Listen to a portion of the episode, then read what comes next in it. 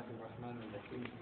قال المصنف رحمه الله وأن وأما المختلطة وهي التي ترى الدم يوما أو أياما والطهر يوما أو أياما حتى لا يحصل لها طهر كامل فإنها عند الإمامين تلفق أيام الدم فتعدها حتى حتى يكمل له حتى يكمل لها مقدار أكثر أيام الحيض وتلغي أيام الطهر التي بينها فلا تعدها فإذا أكمل لها من, من أيام الدم مدة أكثر الحيض كانت مستحابة. وإن تخلل بين أيام الدم مقدار أقل الطهر استأنفت حيضة حيضة أخرى. وتكون في طول مدة مد في طول مدة التلفيق تغتسل في كل يوم لا ترى فيه الدم. رجاء أن يكون طهرا كاملا. وتجتنب في كل يوم ترى فيه الدم ما تجتنبه الحائض المسألة الثانية يمنع الحيض والنفاس اثنا عشر شيئا. يمنع يمنع الحيض والنفاس اثنا عشر اثني عشر اثني عشر شيئا. منها السبعة التي تمنعها الجنابة وهي الصلوات كلها وسجود التلاوة ومس المصحف ودخول المسجد والطواف والإعتكاف وقراءة القرآن. وقيل يجوز لها القراءة يجوز لها القراءة يجوز لها القراءة عن طهر عن ظهر قلب. عن ظهر قلب. وتزيد خمسا وهي الصيام إلا أن تقتضيه. ولا إلا, إلا أن تقضيه. إلا إلا أن تقضيه إلا أن تقضيه. إلا أن تقتضيه نعم. إلا أن تقتضيه. ولا تقضي الصلاة إجماعا. والطواف والطلاق. والجماع في الفرج. قبل الفرج. في الفرج. ليس فرج. في الفرج بسكون الراء. نعم. والجماع في الفرج. قبل انقطاع الدم بإجماع. والجماع بما دون الفرج. قبل انقطاع الدم خلافا. خلافا لأسبغ والظاهرية. لأسبغ. لأسبغ والظاهرية. وإنما يجوز أن أن أن, يت... أن يتمتعوا إنما يجوز أن يتمتع عند الأربعة في أعلى جسدها. في أعلى جسدها. بعد أن تشد إزارها. بعد أن تشد أنا عندك لا تعمل. بعد هذه أن مشكلة. تشد إزارها. والجماع بعد انقطاع الدم انقطاع الدم وقبل الاغتسال خلافا لأبي حنيفة. فإن وطئ في الحيض فليستغفر فليستغفر الله فليستغفر الله. فإن وطأ.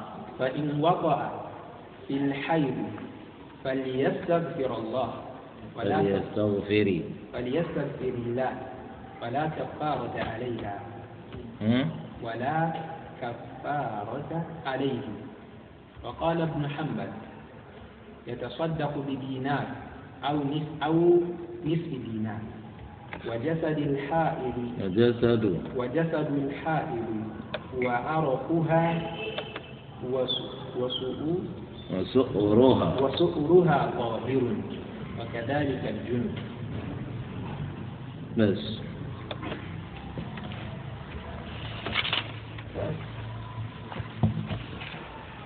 بسم الله الرحمن الرحيم.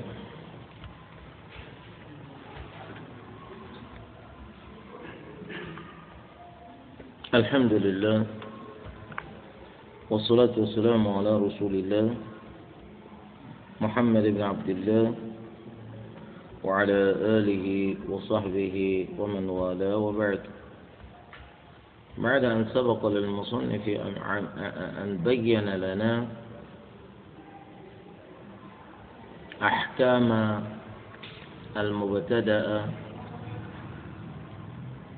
والحامل وذكر أنه قد بين أحكام المميزة إلا أن النسخة أو النسخ التي عندنا لا وجود لمثل هكذا الكلام فيها.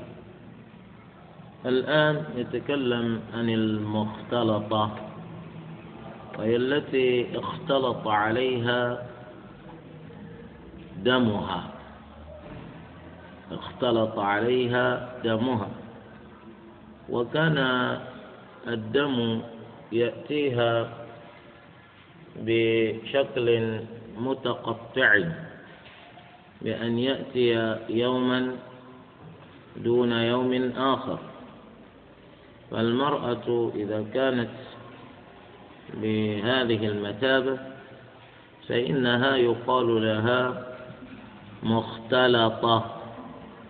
هي ما فعلت شيئا إنما هي مفعول بها. اختلط عليها دمها. وكان الدم يأتيها يومين ولا يأتي في الأيام الأخرى التالية لليومين. ثم بعد ذلك يأتيها الدم. ممكن بعد ثلاثة أيام يأتي الدم. وقد يكون ذلك يوما بيوم. فهذه المختلطة ماذا تعمل؟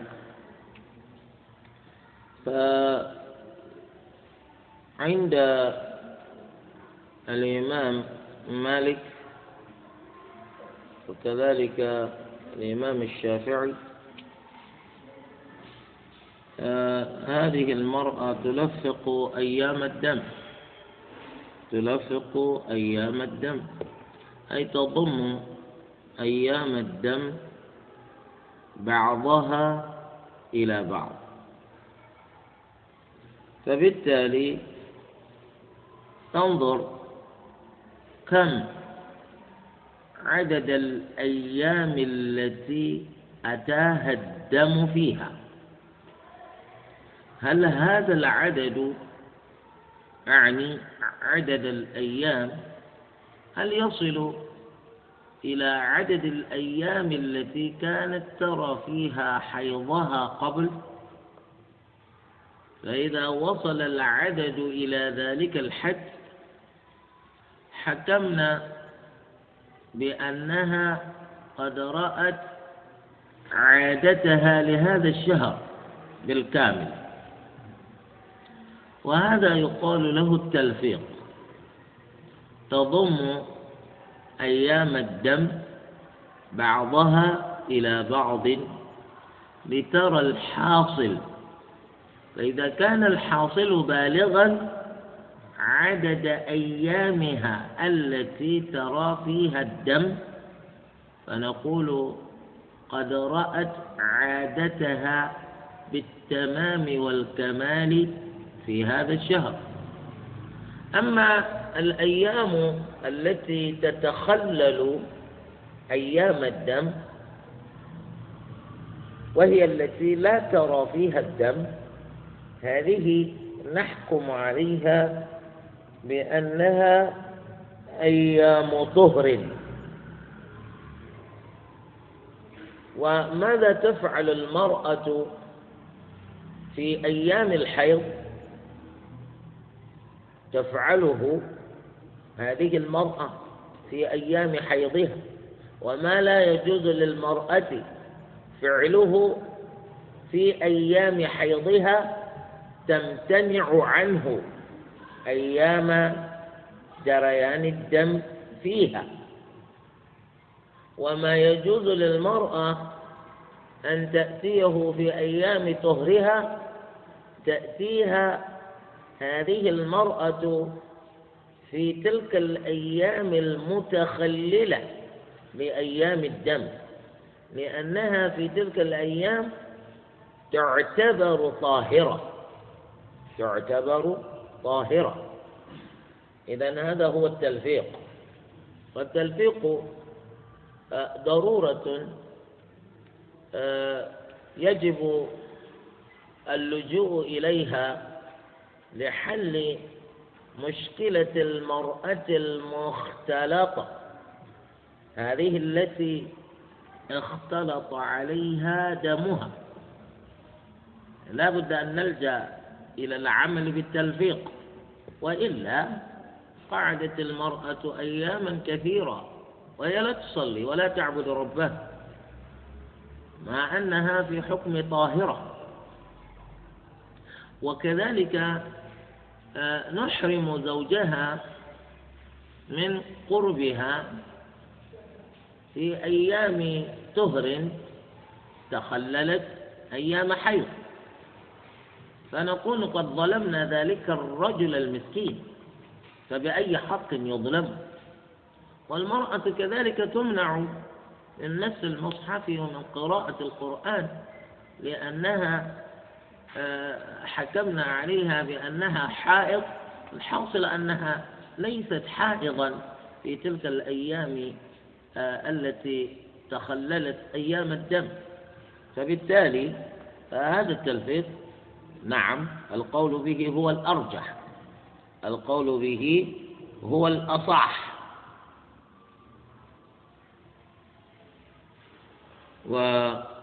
والمرأة في هذه المدة تغتسل في الأيام التي لا يأتيها فيه الدم. لا يأتيها فيها الدم فإنها تغتسل لأننا نرى تلك الأيام أيام طهرها. تغتسل حتى يتسنى لها فعل العبادات التي الطهارة شرط لصحتها. هذا هو. إذا هذا هو التلفيق ثم يقول المسألة الثانية آه، يريد أن يذكر في هذه المسألة الأمور التي يمنع منها الحيض والنفاس. فقال يمنع الحيض والنفاس اثني عشر شيئا. منها السبعة التي تمنعها الجنابة. الجنابة أيضا تمنع أشياء. فالأشياء التي تمنعها الجنابة يمنعها الحيض كذلك. بالإضافة إلى أن الحيض يزيد في المنع خمسة أشياء. فالسبعة زائد الخمسة يساوي يساوي اثني عشر. وهي الصلوات كلها هذا الأمر الأول. الحائض والنفساء لا يجوز لكل واحدة منهما الصلاة أيا كانت تلك الصلاة أي سواء أكانت صلاة مفروضة أو صلاة نافلة. لا يجوز للحائض أن تصلي ولا يجوز للنفساء أن تصلي. آه، طبعا هذا هو الإسلام. هذا هو الإسلام. أنتم تعلمون أن هذا معلوم من السنة الثابتة أن المرأة كانت تمنع من الصلاة ومن الصيام أيام حيضها والقول في النفاس كالقول في الصلاة. ولا يكون المجال مفتوحا لأي إنسان أن يفتح بابا لنقاش لا طائل تحته في هذه المسألة بأن يقول مثلا لماذا لا تصلي؟ لماذا لا تصلي المرأة لمجرد جريان لمجرد جريان دم الحيض منها؟ نقول هكذا الدين. ثم إن الدين لا يؤخذ بالرأي. الدين لا يؤخذ بالرأي. فإن الدين آه الدين يؤخذ به وفق ما جاء بدليل ثابت. وهذا قد ثبت قد ثبتت به السنة. فبالتالي المرأة الحائض لا تصلي. وكذلك قالوا سجود التلاوة. سجود التلاوة ليس صلاة ليس صلاة وإنما هو فعل يوجد مثله في الصلاة. أما سجود التلاوة لوحده فليس صلاة. لأن الصلاة تعرف بأنها عبادة مخصوصة تبتدأ بالتكبير وتختتم بالتسليم. تبتدأ بالتكبير وتختتم بالتسليم. السجود التلاوة سجود التلاوة أنت انظر إلى أولئك الأولاد الذين يثيرون الضجة. إذا لم يكن المدرس موجودا عندهم فتأخذ بأيديهم.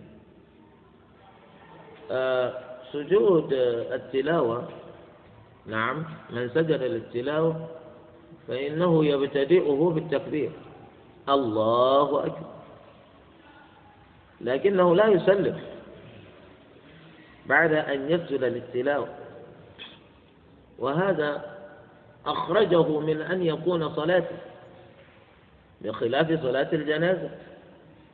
صلاة الجنازة لا ركوع فيها ولا سجود ولا تشهد ولا جلوس. ومع ذلك قلنا لها قلنا قلنا عنها صلاة جنازة. لماذا؟ لأنها صلاة تفتتح بالتكبير وتختتم بالتسليم. فما يقال في سائر الصلوات؟ يقال في صلاة الجنازة بخلاف سجود التلاوة. ومن هنا يختلف الفقهاء في سجود التلاوة. هل يجوز الإتيان به ولو من غير طاهر؟ أي من به حدث أصغر لا وضوء له ليس جنبا ولا حائضا ولا نفساء. الذي به فقط أنه ليس متوضئا. وقرأ القرآن قل قلنا بجواز التلاوة لمن به حدث أصغر لكنه يقرأ القرآن من على ظهر قلبه. ليس أنه يأخذ بمصحف بيده. لما جاء في حديث عمرو بن حزم أن النبي صلى الله عليه وآله وسلم قال فيما كتب له ولا يمس القرآن إلا طاهر. هو هذا الإنسان قرأ القرآن المحفوظ عنده ووصل بقراءته إلى محل سجود التلاوة وهو ليس على وضوء. هل يجوز له أن يسجد للتلاوة؟ وإن لم يكن سجود التلاوة واجبا على الأصح هل يجوز له أن يسجد للتلاوة؟ وقد وصل بتلاوته إلى محل سجود. فمن الفقهاء من يقول لا يجوز له أن يسجد. لماذا؟ لأنه ليس على طهارة. والقول في سجود التلاوة كالقول في الصلاة. أي ما كان شرطا لصحة الصلاة يكون شرطا لصحة سجود التلاوة ومن ذلك الطهارة. كذلك هؤلاء الفقهاء يقولون ولا يجوز سجود التلاوة إلا باستقبال القبلة لأن سجود التلاوة يعني صلاة. ولا تجوز ولا يجوز للإنسان أن يصلي صلاة وهو يستدبر القبلة أو يجعل القبلة على جنب منه. ومن الفقهاء من يقول لا يجوز له أن يسجد للتلاوة وإن كان به حدث أصغر. لأن جواز التلاوة له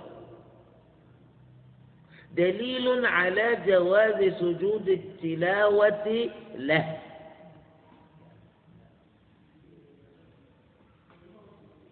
ثم إن سجود التلاوة ليس صلاة. ليس صلاة. دليله الركوع. أصله الركوع. لو ركع الإنسان الآن نقول يصلي؟ يقول لا يصلي. إذا فبالتالي من يرى أن سجود التلاوة صلاة يقول يمنع من ذلك الحيض. كما يمنع منه النفاس. ومن لا يرى سجود التلاوة صلاة وهو الأصح إن شاء الله يجيز لمن به الحدث أن يسجد للتلاوة. طبعا الحدث يختلف الحدث يختلف. يعني باختلاف باختلاف وصفه. يوجد حدث أصغر ويوجد حدث أكبر. طبعا الأمر في القول بجواز سجود التلاوة لمن به حدث أصغر يختلف عن القول به لمن به حدث أكبر. لأن تلاوة القرآن أصلا لمن به حدث أكبر فيه خلاف كبير محتدم بين الفقهاء. كلهم متفقون على أنه يجوز لمن به حدث أصغر أن يقرأ القرآن ما لم يمس المصحف واختلفوا في قراءة القرآن لمن به حدث أكبر كالجنابة والحيض والنفاس. وجمهورهم ذهبوا إلى عدم جواز القراءة. لا تجوز القراءة لمن به حدث أكبر. وفي الحديث أن النبي صلى الله عليه وسلم لا يمنعه شيء من قراءة القرآن إلا الجنابة. فبالتالي حتى تقول يجوز للحائض أن تسجد للتلاوة ويجوز للنفساء أن تسجد للتلاوة يجب أن يسبق أن يسبق ذلك القول منك بجواز تلاوتهما. هذا ما لا يمكنك أن تقوله بملء فمك لأنه آه، محل خلاف. بين العلماء. فبالتالي نعم تمنع من سجود التلاوة. لأننا أصلا ما قلنا لها يجوز لها أن تتلو القرآن وهي حائض وأن تتلو القرآن وهي نفساء كما تتلوه وهي غير حائض وغير نفساء إذا لا تسجد للتلاوة كذلك. مس المصحف هذا شيء آخر. الحائض والنفساء تمنعان من مس المصحف. ودليل ذلك حديث عمرو بن حزم فيما أملاه النبي صلى الله عليه وآله وسلم له كتابا وفيه ولا يمس القرآن إلا طاهر. إلا طاهر. المصحف هو الذي يتضمن القرآن الذي هو كلام ربنا كلام ربنا.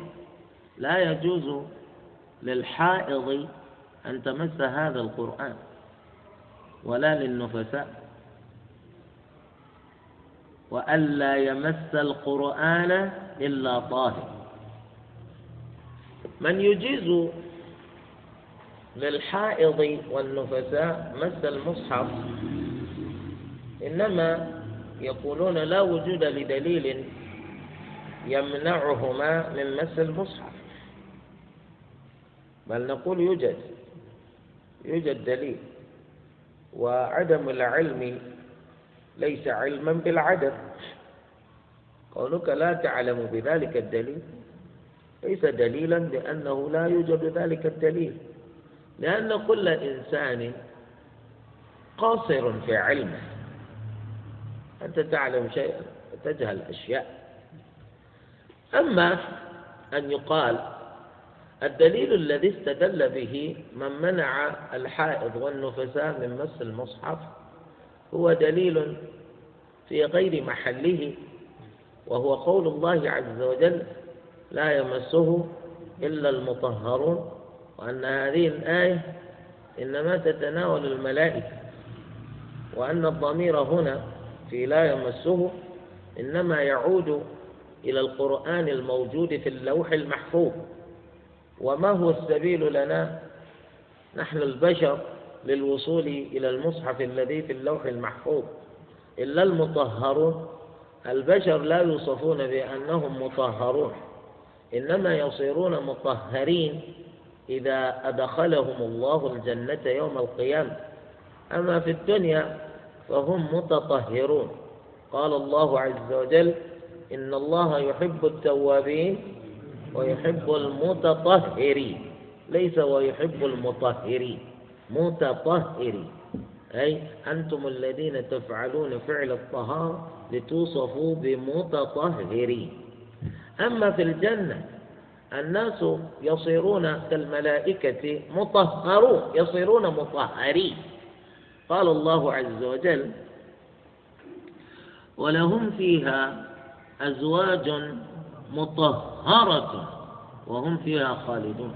طبعا نساء الجنة مطهرات وكذلك النساء اللائي عشن في الدنيا. وأدخل الله وأدخلهن الله الجنة. يصرن كذلك مطهرات. فهمتم؟ يصرن مطهرات. بدليل أن الآية هذه لم تفرق بين نساء بين النساء اللائي عشن في الدنيا قبل الآخرة وبين اللائي خلقن في الجنة. إذا حتى حتى الرجال يصيروا مطهرين من الله عز وجل إذا أدخلهم الله الجنة لأن في الجنة آه، لا أقذار فيها ولا أدران ولا أوساخ فيها ولا النجاسات ولا القاذورات. يعني حتى الناس لا ينبثق منهم شيء يشمئز الإنسان منه في الجنة. الإنسان يصير طاهرا قلبا وقالبا ظاهرا وباطنا بل لا يبوح ولا يتغوط ولا ولا يعرق. العرق لا يخرج منه. يعني أنت ما شاء الله في الجنة يعني تصير طاهرا مطهرا من رب العزة والجلال. إذا إذا كان ذلك كذلك الآية هذه يقولون ما في دليل. على أنه لا يجوز للإنسان أن يمس المصحف إلا إذا كان طاهرا. يقولون الآية إنما تتناول المصحف القرآن الذي القرآن القرآن الذي في اللوح المحفوظ. ثم الذين لا يمسونه هم الملائكة أي الذي يجوز له مسه الملائكة. أما غير الملائكة لا يجوز لهم مسه لأنهم ليسوا مطهرين. الملائكة وحدهم هم المطهرون. آه، العلماء الذين يستدلون بهذه الآية هم أساسا لم يستدلوا بها منطوقا. لم يستدلوا بها منطوقا. إنما استدلوا بمفهومها. استدلوا بمفهوم الآية. أي استدلوا بأن هذه الآية فيه التنبيه. يعني نبه الله بهذه الآية على على أن القرآن الذي في اللوح المحفوظ لا يمسه إلا الملائكة المطهرون. فهذا تنبيه بالأعلى على الأدنى. أي إذا كان القرآن الذي في اللوح المحفوظ لا يمسه إلا الملائكة المطهرون. كذلك القرآن الذي بين أيديكم أنتم أيضا لا يجوز لكم أن تمسوه إلا بعد أن تطهر إلا بعد أن تتطهروا فهذا تنبيه بالأعلى على الأدنى. وهم يقولون لا لا لا ما في مشكلة. نقول لهم عدم دليل معين لا يستلزم عدم مدلول معين في الشريعة. إذا كانت هذه الآية لا تدل على المطلوب فقد وجد حديث يدل عليه. ثم إننا في الشريعة لسنا مطالبين بأن نأتي بأن نأتي لكل مسألة بعشرة أدلة حتى نثبت لها حكما. لا يكفينا أن نأتي بدليل واحد. إذا الدليل الذي عندنا هذا واضح ولا يمس القرآن إلا طاهر. وهذا الحديث والحمد لله ثابت الإمام ابن عبد البر يقول شهرة هذا الكتاب يغني عن البحث عن سنده. وشيخ الألباني رحمة الله عليه حسنه. ماذا بقي؟ إذا لا تمس المصحف إلا وأنت طاهر. هذا هو. وفائدة العلم أن تعمل به. زكاة العلم العمل. الناس لا يطلبون العلم من أجل أن يقال هذا عالم هذا عنده كلام كثير يتكلم يتكلم. أهم شيء أنك تعلم تعمل بما تعلم. وقد علمنا هذا الآن. إذا لا يجوز للحائض أن تمس المصحف ولا يجوز للنفساء أن تمس المصحف. هذا كلام رب العزة والجلال. هذا هو. ودخول المسجد. إذا الحائض والنفساء لا تدخلان المسجد. ما دليل ذلك؟ هذا الدليل على أن الحائض على أن الحائض والنفساء لا تدخلان المسجد.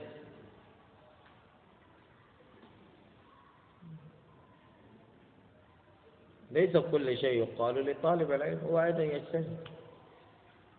أما أن تجعل نفسك برميلا بس يرمون فيك كل شيء لا. اجتهد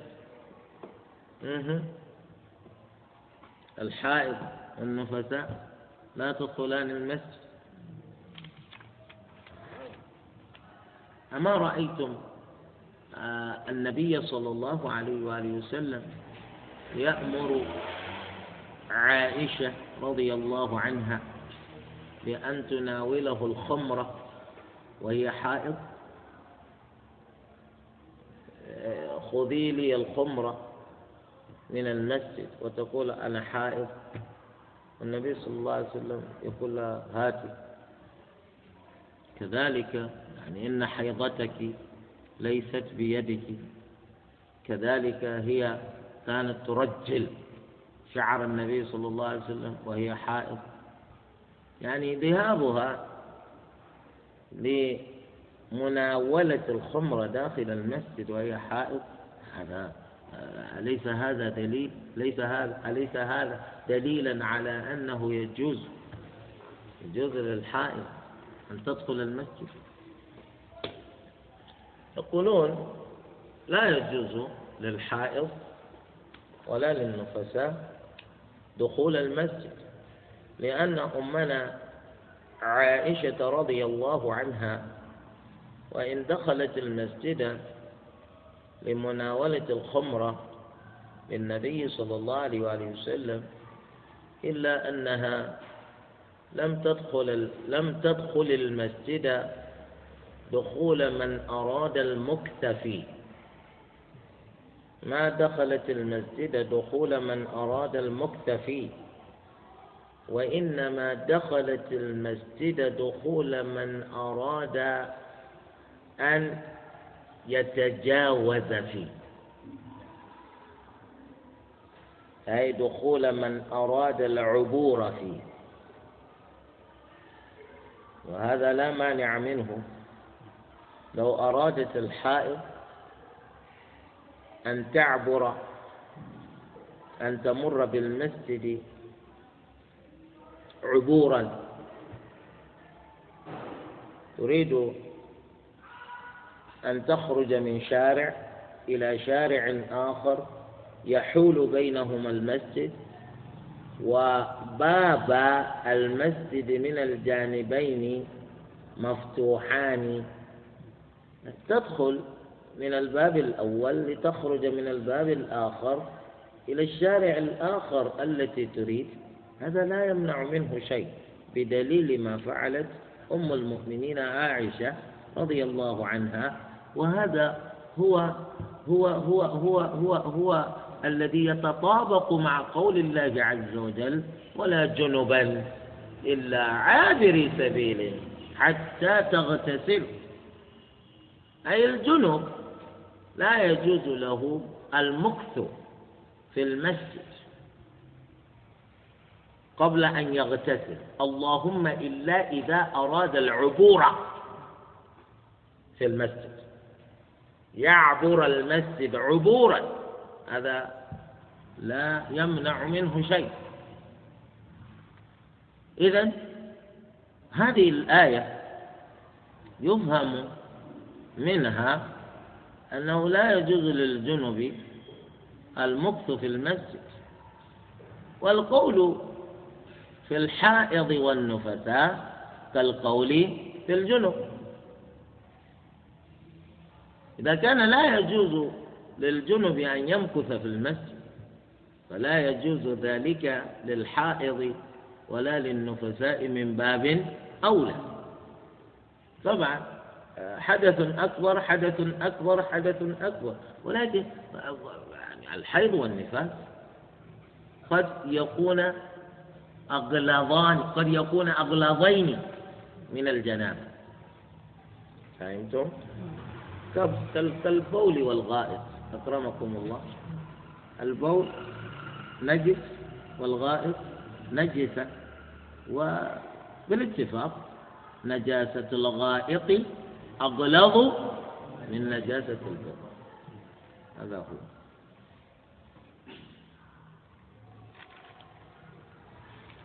إذا المرأة تقول لك الآن إن المحاضرة التي تقام في المسجد هي لا تريد أن تغيب عن تلك المحاضرة. ما رأيكم في دخولها المسجد؟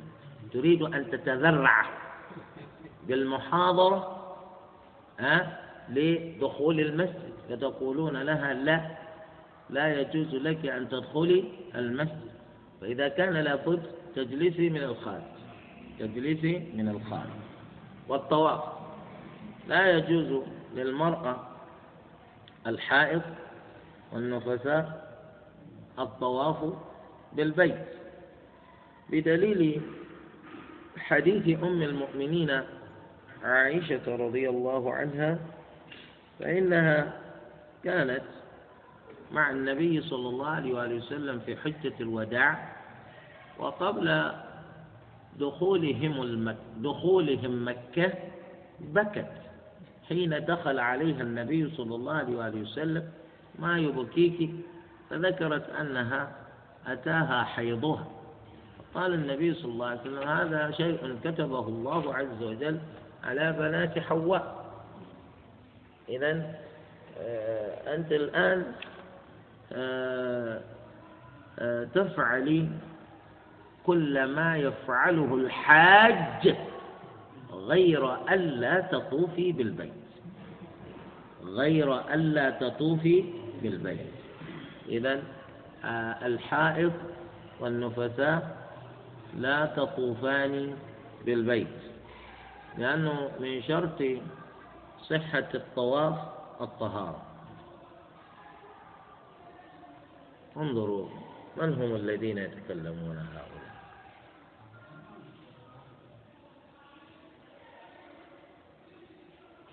وكذلك الاعتكاف. الاعتكاف هو آه، المكث في المسجد مدة معينة لعبادات مخصوصة. وهذا يتطلب من أن يكون الإنسان الذي يعتقف طاهرا.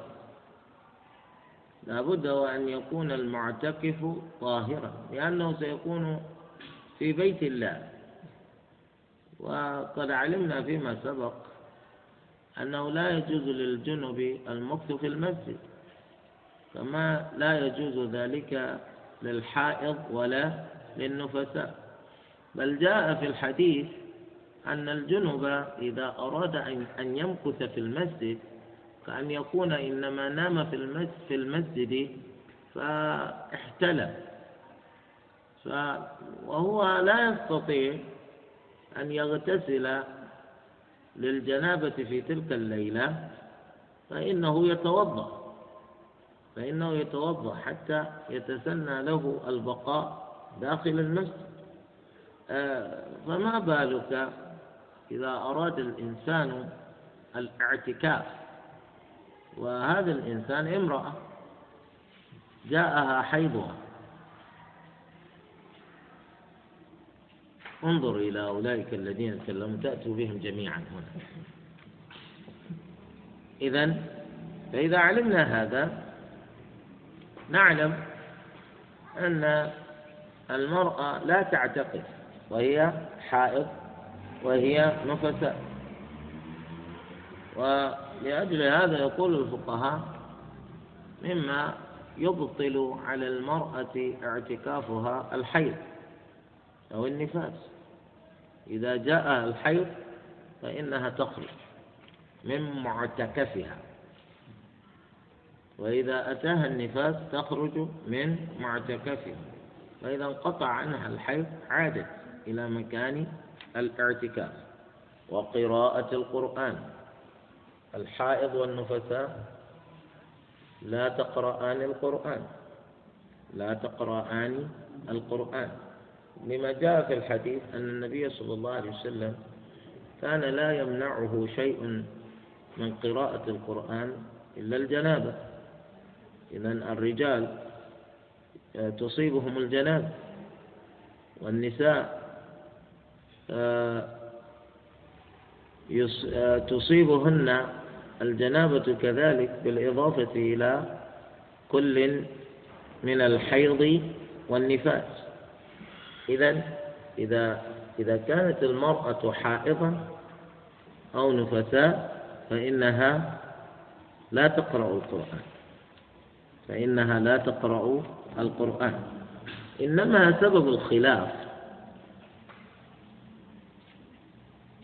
اتفقوا على أن الجنب لا يقرأ القرآن.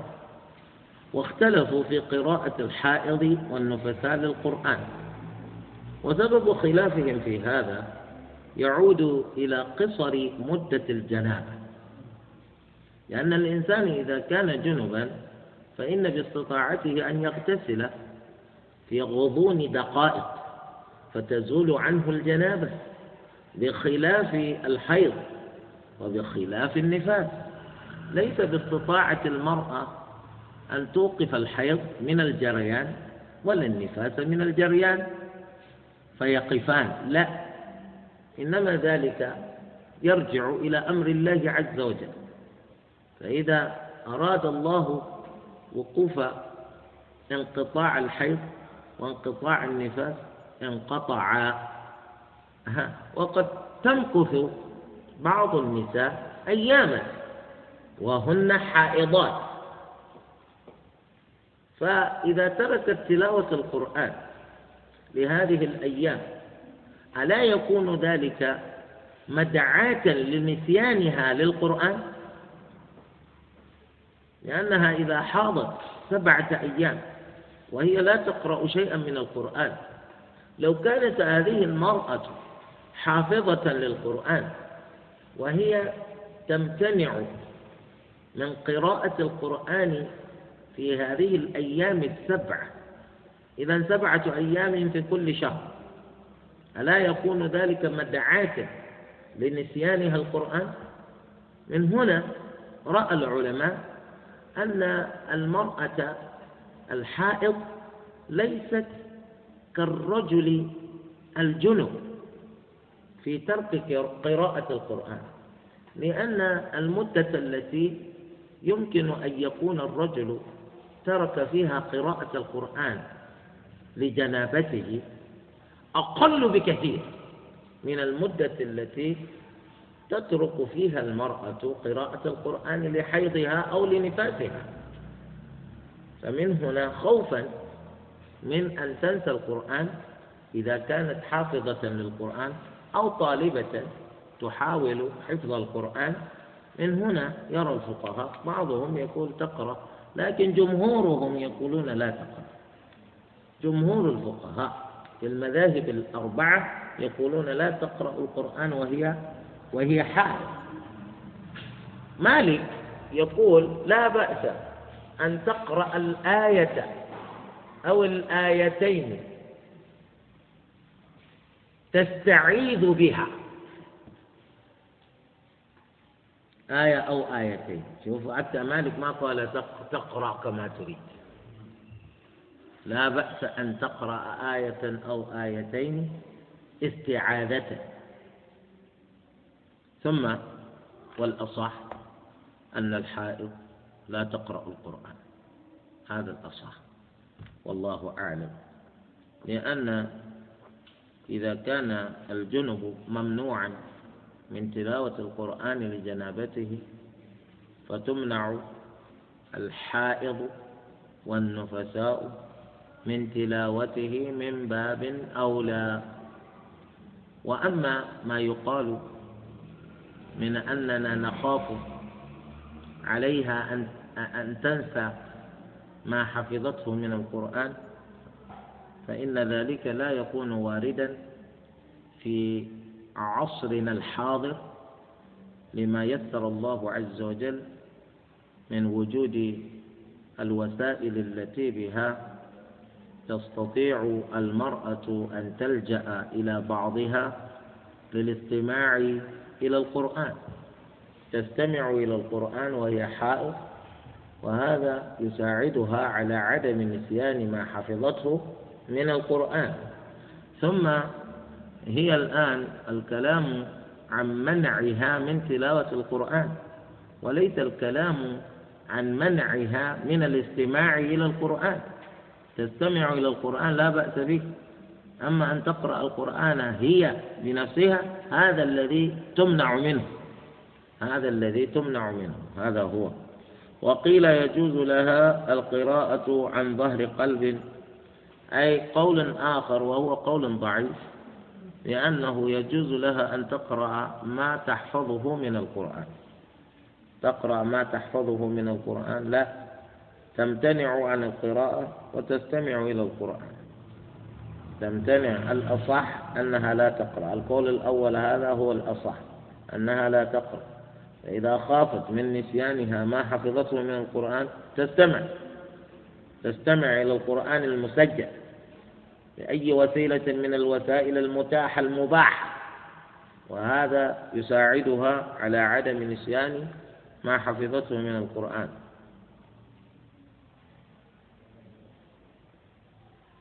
وتزيد خمسا. أي الحيض الحيض يمنع من أمور خمسة زائدة. من أمور خمسة زائدة وهي الصيام. الحائض والنفساء لا تصوم لا فرضا ولا نفلا. لا رمضان ولا غير رمضان ولا غير رمضان. إذا فهمنا هذا فإن الحائض لا تصوم. كما أنها لا تصلي فإنها لا تصوم. أما الجنابة فهي لا تمنع الجنابة لا تمنع من الصيام. من أصبح جنبا. أصبح جنبا. وقد كانت الجنابة هذه أصابته قبل بزوغ الفجر. ويكون قد بيت النية للصيام من الليل. يقوم يستمر في صومه يغتسل من الجنابة يذهب يصوم أما الحيض فهو يمنع. الحيض يمنع من الصيام. والنفاس يمنع كذلك من الصيام. إلا أن تقضيه إلا أنها تقضي الصيام دون الصلاة. تقضي الصيام دون الصلاة. وهي إذا أتت لتقضي الصيام فإنها تتحرى أيام طهرها. فإنها لا تقضي الصيام أيام حيضها. فهمتم؟ ولذلك أتت امرأة طبعا وهذا هو الفرق بين الصلاة والصيام. الحيض والنفاس يمنعان من الصلاة والصيام. إلا أن المرأة مطالبة بقضاء الصيام دون الصلاة. أتت امرأة إلى أم المؤمنين عائشة رضي الله عنها تقول ما بال المرأة ما بال المرأة الحائض تقضي الصوم ولا تقضي الصلاة؟ فقالت لها عائشة رضي الله عنها أحرورية أنت؟ أي أخارجية أنت؟ أو عيدية أنت؟ أي هل أنت من الفرقة الضالة الخوارج؟ هي قالت لا لست حرورية وإنما أسأل سؤال من يريد أن يعلم. فقالت عائشة كان ذلك يصيبنا ونؤمر بقضاء الصيام ولا نؤمر بقضاء الصلاة. ويقول العلماء في هذا تخفيف من الله عز وجل لأن المرأة لو كلفت بقضاء ما فاتها من الصلوات أيام حيضها ونفاسها لأعياها الأمر.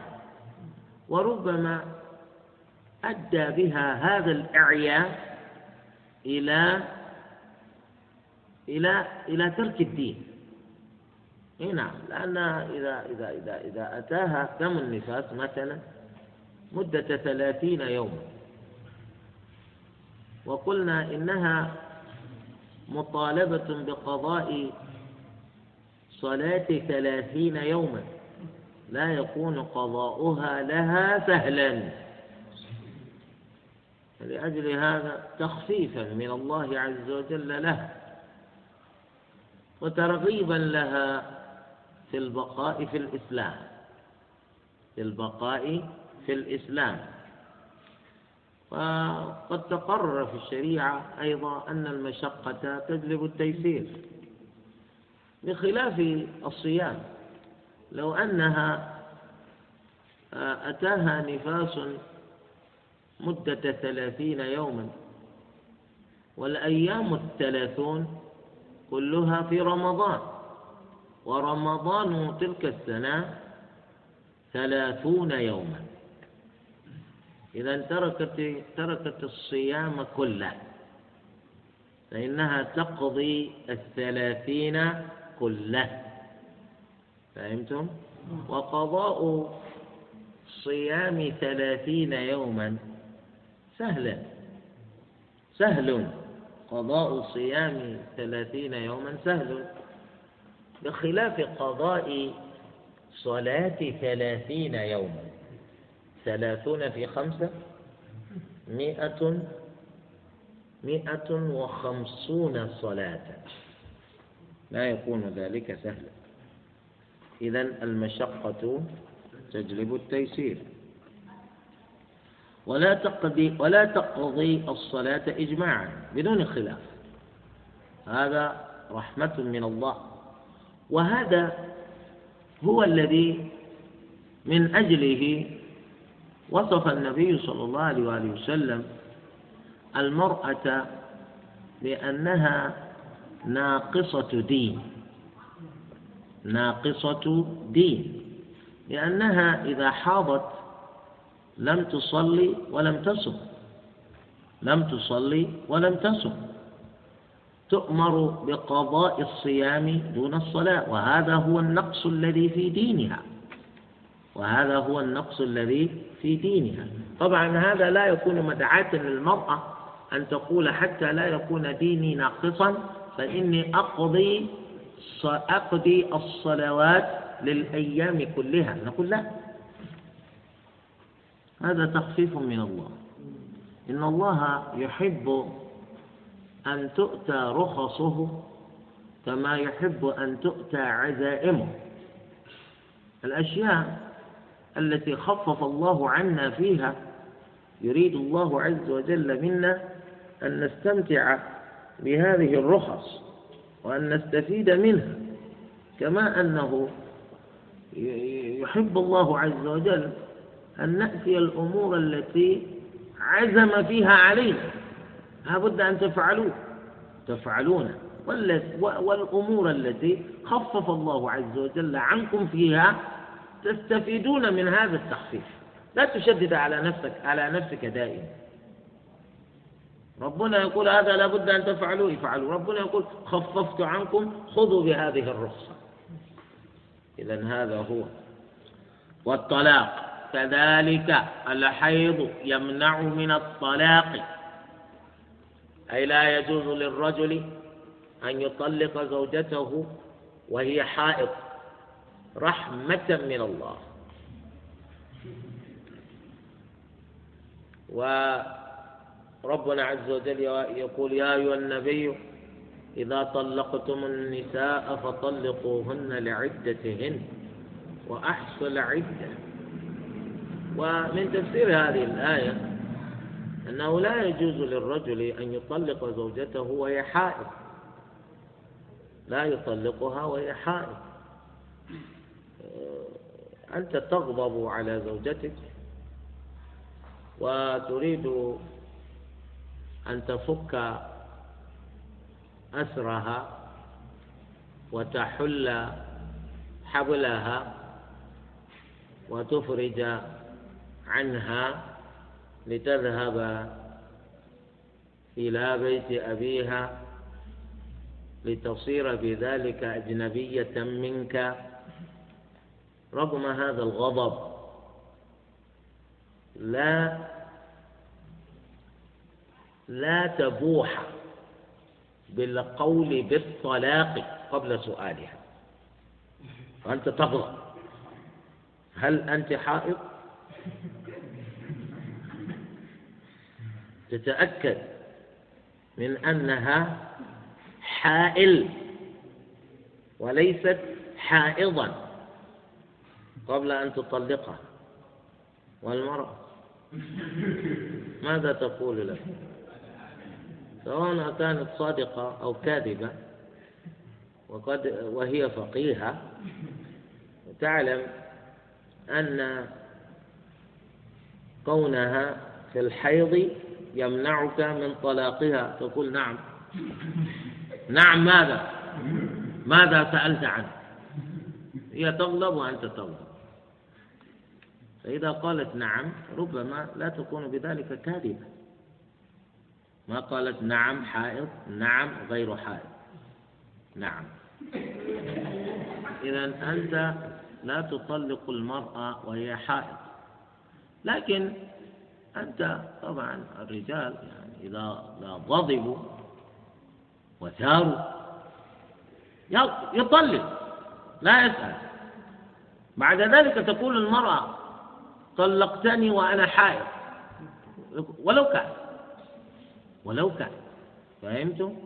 لأنه هو إذا أوقع الطلاق بها وهي حائض يؤمر بإرجاعها. إذا كان ذلك الطلاق الطلاق الأول أو الطلاق الثاني فإنه يؤمر بإرجاعها. لأنها وإن طلقت طلقة واحدة أو طلقتين فإنها لا تزال بهذا بهذا الطلاق زوجة. لأنها توصف بالرجعية. والرجعية زوجة ما دامت في العدة. إذا كان ذلك كذلك فأنت ترجعها. هذه فائدة. لأن الرجل إذا طلق زوجته قد لا يريد أن يرجعها. قل خلاص خلاص. لكنه الآن رغما عنه مأمور بإرجاعها. هذه فائدة. لكن هل يقع ذلك الطلاق الذي أوقعها وقت حيضها أو لا يقع؟ هذا الخلاف. هذا الذي احتدم فيه الخلاف بين الفقهاء. فذهب الجمهور إلى أن ذلك الطلاق يقع. وذهب بعض الفقهاء إلى أنه لا يقع. إلى أنه لا يقع. ولكل دليل. الذين قالوا بوقوع الطلاق يقولون طبعا هذا الرجل قد طلق زوجته طلاقا بدعيا وإن كان الطلاق بدعيا إلا أن بدعته لا يمنع من لا تمنع من وقوعه. لأن النبي صلى الله عليه وسلم يقول لعمر رضي الله عنه حين أخبره بأن ابنه عبد الله طلق زوجته وهي حائض قال النبي صلى الله عليه وسلم مره فليراجعها. مره فليراجعها؟ يقولون الأمر بالإرجاع دليل على الوقوع. لأنه لو لم يقع ما كان للنبي صلى الله عليه وسلم أن يأمر عمر بأن يأمر ابنه بإرجاعها فالأمر بالأمر بالإرجاع دليل على الوقوع. وهؤلاء الآخرون ومنهم الإمام أحمد الذين قالوا القول الآخر منهم أحمد بن حنبل في قول له هم يقولون هذا الطلاق طلاق بدعي. والطلاق البدعي لا يقع. لماذا؟ لأن النبي صلى الله عليه وسلم يقول من عمل عملا ليس عليه أمرنا فهو رد. وهذا قد طلق زوجته طلاقا ليس عليه أمر الرسول صلى الله عليه وسلم فلا يقع. لكن الإشكال في الأمر بالأمر بالإرجاع. هذا الذي يجعلنا لا نستطيع أن نقول بأن ذلك الطلاق غير واقع. إي والله. ولذلك كثير من العلماء أيضا لما نظروا إلى أن هذا الطلاق كما وصف طلاق بدعي يرون أنه لا ينبغي أن يكون ذلك الطلاق يعتد به لأنه طلاق بدعي. لكن الأمر بالإرجاع والله ما ندري. مره فليراجعه. ما وقع الطلاق ماذا يرجع؟ لذلك القول المختار عندنا هو أن من طلق زوجته ولو في الحيض فإن ذلك الطلاق يقع. فانتبه. فانتبه. المرأة الآن تفرح تقول آه الحمد لله أنا حائض. أقول ولو كان. لأن النبي صلى الله عليه وسلم أمر بالإرجاع والأمر بالإرجاع فرع عن الوقوع. إذا هذا هو. لكن ابتداء لا يجوز للإنسان أن يعلم علم اليقين أن زوجته حائض فيطلقها وهي حائض. لا يفعل ذلك. لأنه إذا فعل ذلك فقد تعمد عصيان الله عز وجل. أعوذ بالله. أما إذا كنت جاهلا لأنها في الحيض وطلقتها فإن ذلك يقع. والجماع في الفرج قبل انقطاع الدم بإجماع. إذا كانت المرأة تحيض لا يجوز للزوج أن يجامعها قبل انقطاع الدم أي وقت الحيض. لا يجوز للزوج أن يجامع زوجته في فرجها. المرأة تحيض خمسة أيام. خلال هذه الأيام الخمسة لا يجوز لك يا رجل أن تجامع زوجتك في فرجها. حرام. لا تقول إنما خرج الدم في الصباح وفي النهار إلا أنه ما جاء في المساء. وتطلب من زوجتك أن تستنجي لتجامعها. حرام. لا يجامع الرجل زوجته في فرجها قبل انقطاع دم الحيض. هذا بالإجماع. لأن الله عز وجل يقول يسألونك في المحيض. قل هو أذى فاعتزلوا النساء في المحيض. فاعتزلوا النساء في المحيض. اعتزلوهن في الجماع. لا تجامعوهن. ليس معنى ذلك أنك تعتزل المرأة ولا تساكنها البيت ولا تآكلها الطعام ولا تشاربها الماء ولا تبادلها الحديث لا. يعني هي تبقى معك في البيت تأكل معها تشرب معها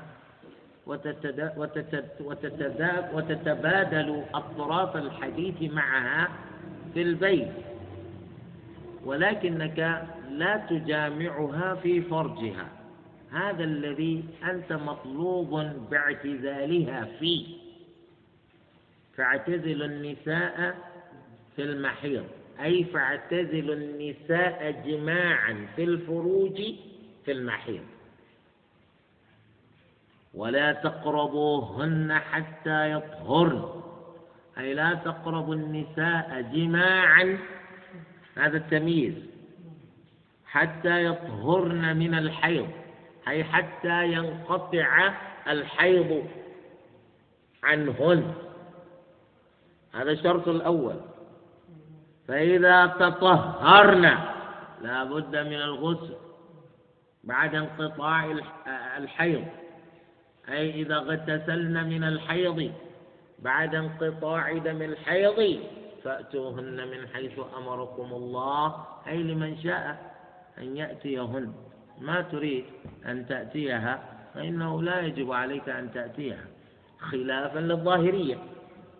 الظاهرية هم يقولون المرأة إذا طهرت من الحيض واغتسلت يجب على زوجها أن يأتيها. والأمر يتم امتثاله ولو بالمرة يعني إذا جامعها مرة يكون قد قد قد برئت ذمته. وخرج من العهدة. هذا طبعا هو الأليق بظاهريته. الذي نقوله أن العلماء أجمعوا ومستند إجماعهم القرآن والسنة أن المرأة حرام على زوجها أن يجامعها في فرجها وقت حيضها. هذا هو. والجماع بما دون الفرج قبل انقطاع الدم. وأيضا يحرم على قول المالكية ومن وافقهم يحرم على الزوج أن يجامع زوجته والحيض يجري فيما دون الفرج. بمعنى لا يجامعها في فرجها متفق يعني بالإجماع. ولكن هل يجوز له أن يجامعها فيما دون الفرج؟ كأن يجامعها بين فخذيها؟ هل يجوز للرجل أن يجامع زوجته الحائض بين فخذيها؟ هذا دون الفرج. خلاف بين العلماء. وهو يقول عندنا لا يجوز. وخالفهم أسبغ وأسبغ هذا من تلامذة الإمام مالك. أسبغ من المالكية. ويقول يجوز له أن يجامع زوجته فيما دون الفرج. إنما الذي هو حرام عليه أن يجامع زوجته في الفرج. أما فيما دون الفرج ما في مشكلة. هذا ذهب إليه الأسبق وكذلك الفقهاء الآخر بعض الفقهاء بعض الفقهاء. أحمد بن حنبل له قول كهذا وكذلك الظاهرية. يقولون يجوز. لأن يعني الذي هو ممنوع منه هو جماعها في الفرج والصواب هو يقول وإنما يجوز أن يتمتع أن يتمتع بها عند الأربعة أي عند فقهاء المذاهب الأربعة إنما الذي يجوز للزوج وزوجته حائض أن يستمتع بها في أعلى جسدها بعد أن تشد إزاره. تشد الإزار تربط الإزار في نفسها والزوج يستمتع بأعلى بدنها. هذا موجود. لأنه يوجد في الحديث أن النبي صلى الله عليه وآله وسلم حديث أم المؤمنين عائشة رضي الله عنها أنها إذا كانت حائضا وأراد النبي صلى الله عليه وسلم أن يستمتع بها فإنه يأمرها أن تتزر.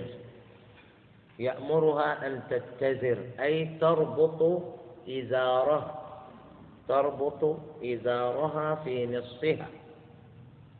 ثم يباشرها النبي صلى الله عليه وسلم. يضمها إليه. يضمها إليه. آه، لأنه آه، إذا لم يأمر إذا لم يأمرها بأن تتزر فإنه ربما يكون ذلك ذريعة لفعل لفعل المحرم في ذلك الوقت. فقد أمرها النبي صلى الله عليه وآله وسلم بالاتزار سدا للذريعة. سدا للذريعة.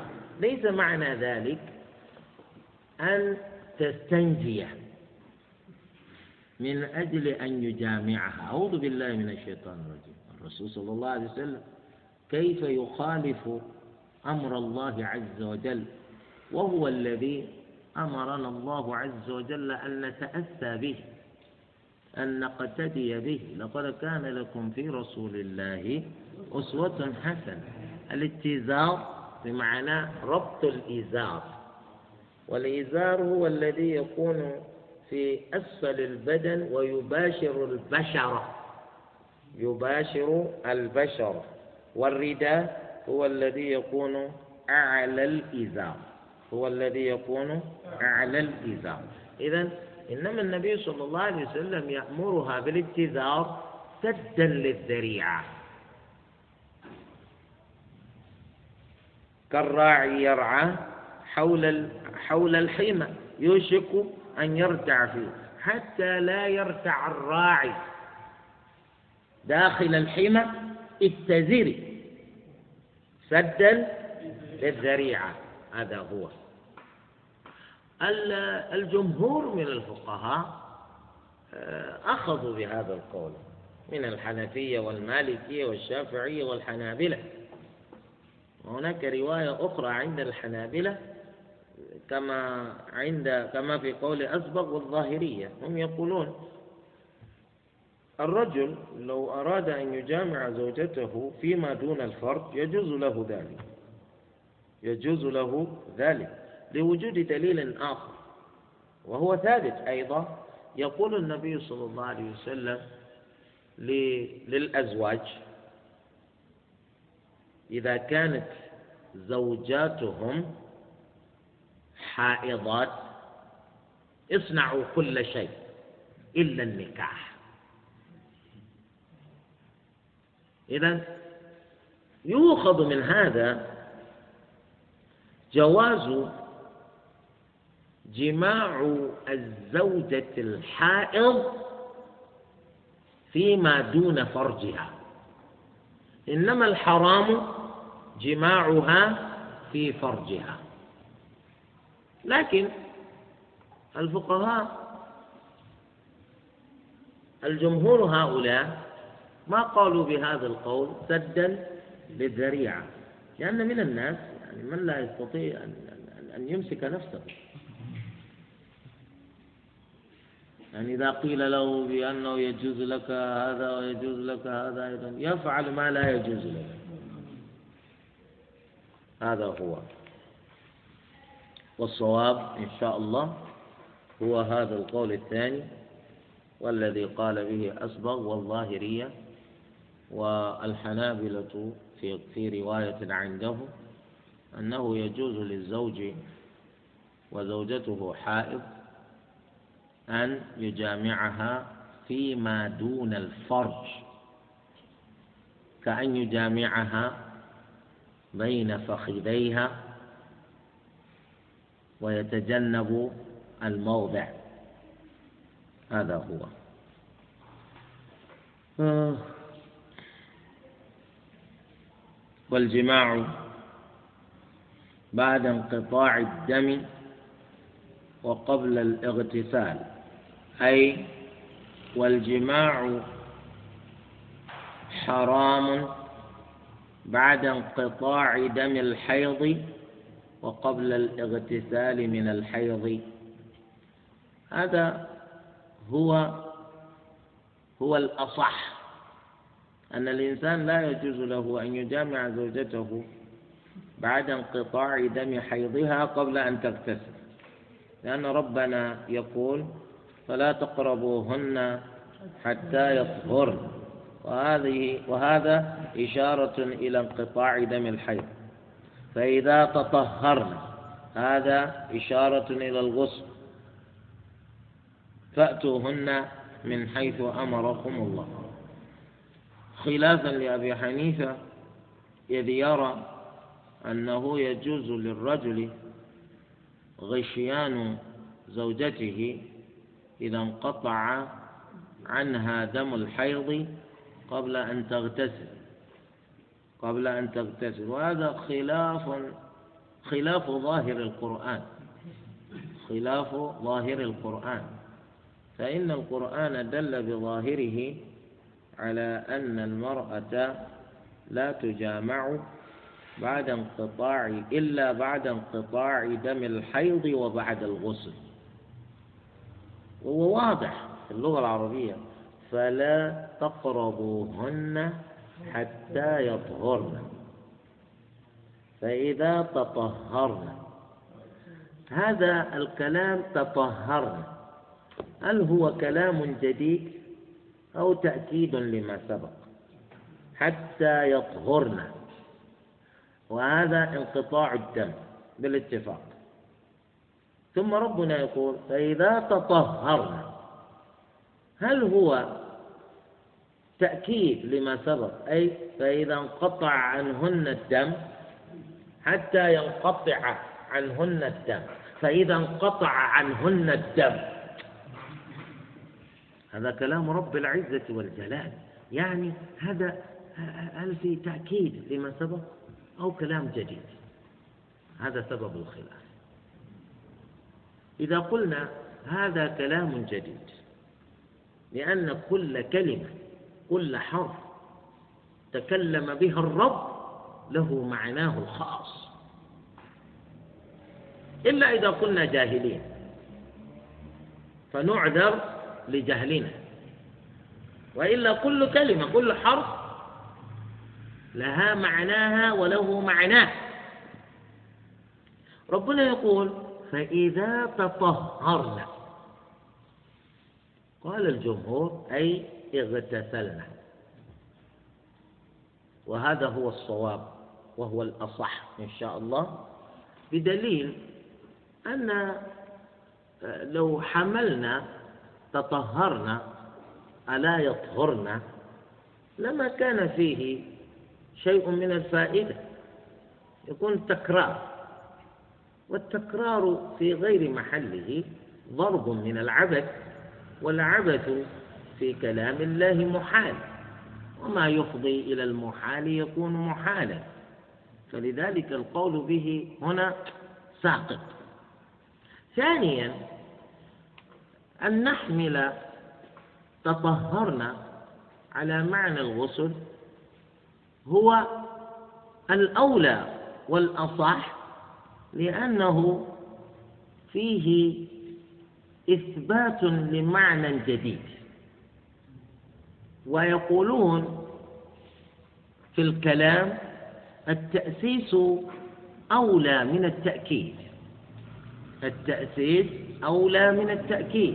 أي أن يكون هذا الكلام الجديد إنما جاء بمعنى جديد حمله على المعنى الجديد أولى من حمله على معنى الكلام الأول تأكيدا. فهمتم؟ إذا كلام الجمهور أصح. فمن جامع زوجته بعد انقطاع دمها وقبل اغتسالها يكون قد أثم. يكون آثما. يقول والله لقد كنت صابرا أياما. لم أعد أستطيع تحمل الصبر. فتتحمل الكفارة. فأنتم الآن سنأتي إليه. فإن وط فإن وطأ إذا وطأ الرجل زوجته في الحيض. والحيض يخرج يجري. فليستغفر الله ولا كفارة عليه. هذا عند المالكية وغيرهم. الشافعية طبعا الحنفية كذلك يقولون هذا الإنسان أثم فليستغفر الله ولا كفارة عليه إذ لا كفارة بدون دليل. والدليل الذي جاء في كفارة من وطئ زوجته وهي تحيض هذا الدليل غير ثابت. فلذلك لا نقول به. وقال ابن حنبل أحمد من وطئ زوجته وهي تحيض عليه آه، كفارة. والكفارة هذه أن يتصدق بدينار أو بنصف دينار. هذا هذا الذي نسبه إلى أحمد فيه تفصيل. أحمد بن حنبل يقول من جامع زوجته وهي حائض وهي تحيض فإنه تلزمه كفارة دينار. ومن وطئه بعد انقطاع الحيض وقبل الغسل فعليه كفارة نصف دينار. فهمتم؟ وهو الأصح. لأن الحديث الذي أتى به ثابت والحمد لله. فهمتم؟ إذا هذا هو وهو المكان الذي نتوقف فيه اليوم. نسأل الله عز وجل أن يفقهنا في الدين وأن يعلمنا ما جهلنا وأن يبارك لنا فيما علمنا. سبحانك اللهم وبحمدك أشهد أن لا إله إلا أنت أستغفرك وأتوب إليك.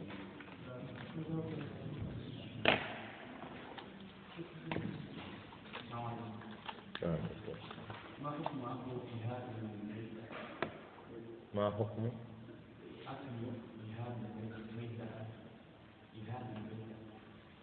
كيف تأكل إهاب الميتة؟ النبي صلى الله عليه وسلم لما قال أيما إهاب دبغ فقد طهر إذا كان الجلد جلد حيوان ميت مات حتف أنفه. يجوز لكم الانتفاع بذلك الجلد في غير أكل. ولذلك النبي صلى الله عليه وسلم لما رأى الصبيان وهم يجرون شاة لميمونة ماتت حتف أنفها قال لهم آآ آآ ما لكم لا تنتفعون بإهابها؟ قالوا إنها ميتة. قال النبي صلى الله عليه وسلم وإن كانت لأن دباغ دباغ الإهاب طهورها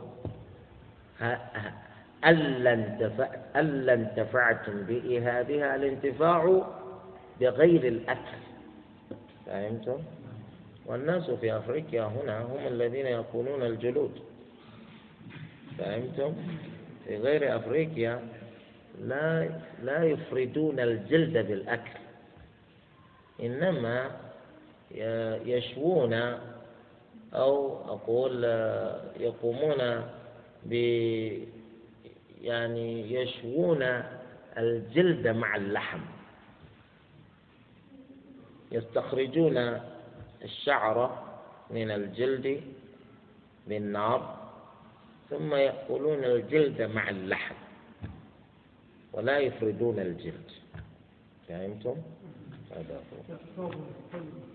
ما حكم المرأة التي تتعلم وهي تقرأ في الكتاب الذي فيه آيات من كتاب تفسير كتاب فقه كتاب عقيدة.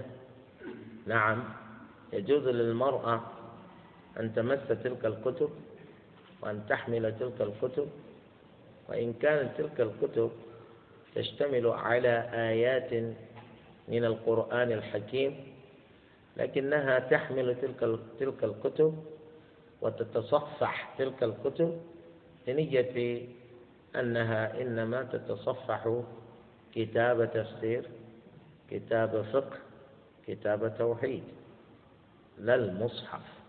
نعم.